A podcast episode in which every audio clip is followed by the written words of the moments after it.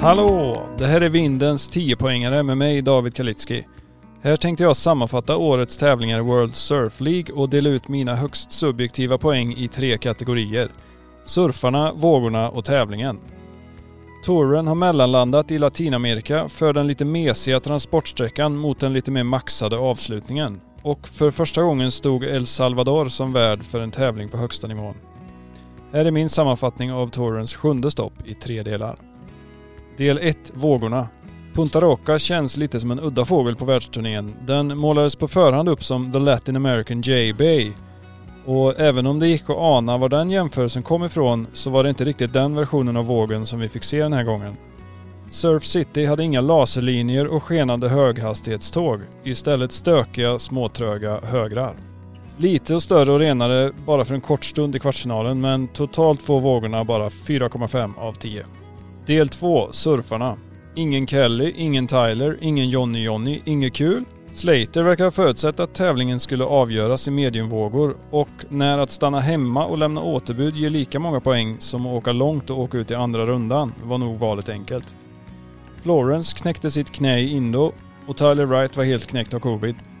Istället fick vi Barbados bästa surfare Josh Burke, Brasiliens stilguru Jagadora, den ultimata poolmästaren Tia Blanco och surfvärldens största och bästa frisyr från Narlos Munoz. De tre stora namnen som saknades drar ju ner betyget rejält, men som tur var fick vi återse Caroline Gnarks efter en oklar frånvaro och bara hennes backside snaps lyfter ju betyget några snap.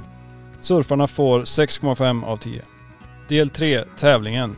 Stil mötte kraft redan i damernas andra runda när Weston Webb utmanade Gilmore.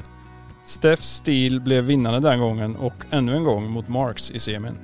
På andra sidan trädet fick Lakey Peterson rejält med energi av en seger på slutsignal och tog sig till final av bara farten. Så till slut stod två högerpoint-proffs i sista hitet.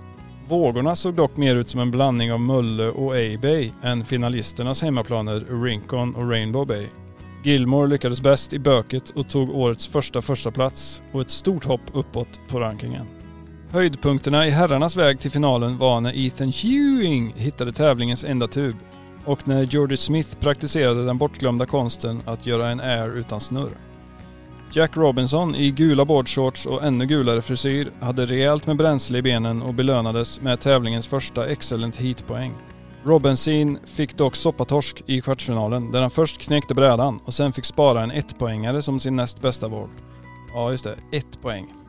Istället hämtade den fyrhjulsdrivna kvartetten Gabriel, Griffin, Philippe och Ferreira ut höga sjuor, åttor och nior som om det var nya gratisbrädor från världens bästa shapers. Varken Igagnarchi, Robocopson eller Ewing hade något att sätta emot. Till slut stod Colapinto som segrare efter en final där Philippe snurrade dubbla varv åt det ena och åt andra hållet men blev besegrad av Griffin som fångade dubbelt så många vågor. Han fick också en åtta poängare med tre minuter kvar på en våg som mer såg ut som en trea. Tävlingen kändes lite sval i början men den lilla turboväxeln i avslutningen höjer betyget till en 7 av 10. Och avslutningsvis ett frågetecken. Är Rap Snap sommarens bästa surfmanöver? Kommentatorkaraktären Joe Turpels beskrivning av Kanoe Garashis vassa ninja-move låter som en fet brunch och en smarrig efterrätt på samma gång. Inte en hel frontside wrap, inte en helt vanlig snap. Istället det bästa av två världar.